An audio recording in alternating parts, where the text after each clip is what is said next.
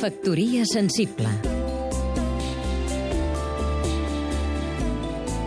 Francesc Canosa, periodista i escriptor No és que els temps estiguin canviant, és que els temps s'estan dinamitant.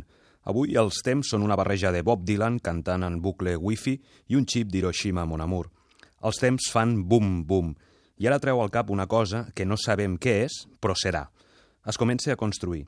És el Fab Lab, Barcelona ja és una de les capitals mundials de Fab Lab, vaja, de laboratoris de fabricació.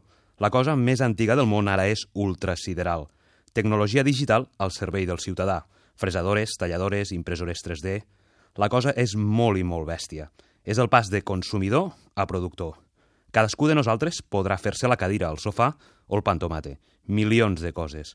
A Barcelona ja hi ha dos ateneus de fabricació. Crida l'atenció que s'usi la paraula ateneu, si algun lloc sabem el que vol dir Ateneu, és aquí. No hi ha país al món que tingui un fenomen com els Ateneus. A Catalunya n'hi ha uns 400.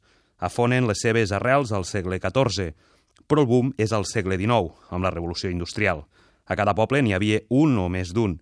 Formaven, educaven, ensenyaven, van ser l'escola per a moltes persones. Suplien el que no donava l'Estat. Un dia es demostrarà que el món virtual se'l van inventar els catalans per esmenar el que no els dona la realitat. Els Ateneus són la cara de la societat civil.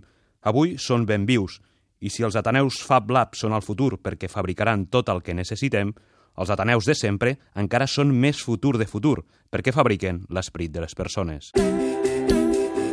Factoria sensible Seguim-nos també a catradio.cat